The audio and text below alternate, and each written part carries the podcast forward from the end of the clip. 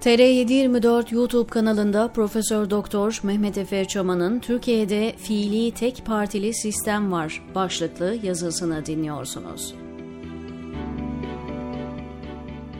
İnsanlara zorla bilinç verme dönemleri geride kaldı. Bunun işe yaramadığı aşikar. İnanmayan Türkiye'nin yakın dönem tarihine bakabilir. Kültürel ve sosyolojik kökleri kapsamayan değişimler yüzeyde kalıyor ve sonuçta tutmuyor.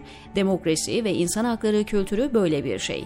İster kabul edin, ister etmeyin, gerçekleri görmek zorundayız. Çünkü olan şeylere yokmuş muamelesi yaparak onların varoluşlarını engelleyemiyorsunuz. Türkiye toplumu otoriter liderliğe ve antidemokratik sistemlere eğilim gösteriyor.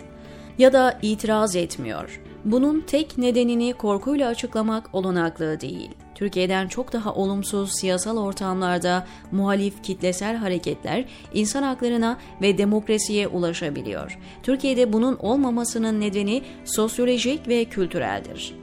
CHP'li bir milletvekili çıkıp TSK'nın eylemlerinin sorgulanamayacağını söyleyebiliyorsa bunun üzerinde tüm toplum düşünmelidir. CHP ana muhalefet partisi olmasına karşın rejimin adeta ortağı gibi hareket ediyor. Kürt siyasetinde, AKP-MHP çizgisinde çünkü bu çizgi derin devletin belirlediği çizgidir. Derin devlet esasen ruh olarak 100 yıllık cumhuriyet kadar eski bir yönetim felsefesinin ve siyasal kültürün tezahürüdür. Hatta 100 yıldan da gerilere kadar izi sürülebilir. CHP'nin babası İttihat ve Terakki Partisi'dir. CHP'liler kurucusu Mustafa Kemal Atatürk ve ikinci adamı İsmet İnönü başta olmak üzere İttihatçıların B takımıdır.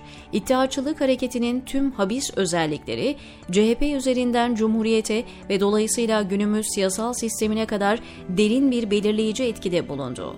Bu sistem merkeziyetçi, etnik milliyetçi, ırkçı, Türk üstünlükçü, homojenleştirici ve asimilasyoncu, baskıcı ve ihtilalci, yukarıdan aşağıya hiyerarşik modernleştirici tipik bir Orta Doğu rejimidir.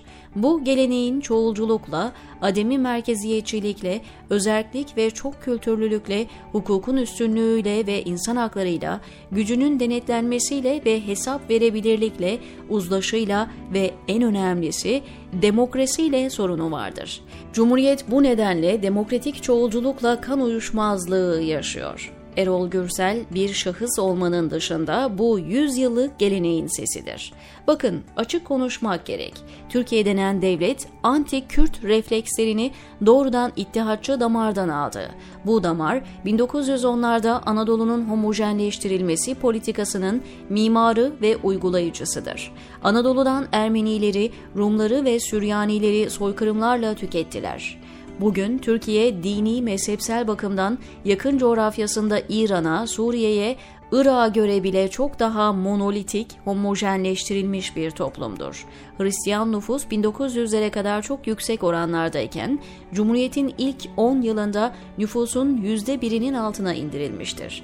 Aynı şekilde Cumhuriyet birinci gününden itibaren Kürtlerin asimilasyonunu şiar edindi. Bu amaç çok partili hayata geçtikten sonra da devletin partiler üstü politik hedefi oldu. İktidarlar geldi, geçti, bu siyaset asla değişmedi. Şimdi 2022 itibarıyla Cumhuriyet nereden başladıysa bu noktada hala oradadır. İnsanları gazlayan, bombalayan, yok eden zihniyet 100 yıldır toplumun peşine bırakmadı. Karabasan gibi öteki olan herkesin ensesine çöktü. PKK veya başka bir illegal yapı hiç fark etmez. Devlet eğer bir hukuk devleti olsaydı kimyasal silah kullanmazdı. Bu konuda bir iddia varsa ve kendilerinden eminlerse uluslararası bir inceleme komisyonundan neden çekiniyorlar? CHP Sezgin Tanrıkulu tarafından yapılan açıklamanın arkasında neden durmuyor? Bu işi araştırmayı önermekten daha doğal ne olabilir? Farz edelim bir hata yapılmış olsun. Eğer bu devlet politikası değilse hata yapılmasına neden olan emirleri verenleri cezalandırırsınız, olayın üzerine gidersiniz pisliğini gizlemeye çalışan bir kedi gibi yaptığınızı toprağa gömmeye çalışmazsınız. Bu yapılanlar aynı 1980'lerde vatandaşına insan dışkısı yediren, 1990'larda asit kuyularında vatandaşlarını eriten, 2000'lerde uzaktan ağır silahlarla köyleri ve kasabaları bombalayan devletin yaptıklarıdır. Bu yapılanların faili hep aynı. Aynı devlet, aynı zihniyet, aynı faşizm. Bir ara Erdoğan ve AKP bu zihniyete karşı çıkıyorlardı. Çünkü kendileri de İslamcı ideolojilerinden dolayı aynı ceberut rejimin hedefiydi. Sonradan işler değişti, devletli oldular. Derin devletin enstrümanı olma rolünü benimsediler.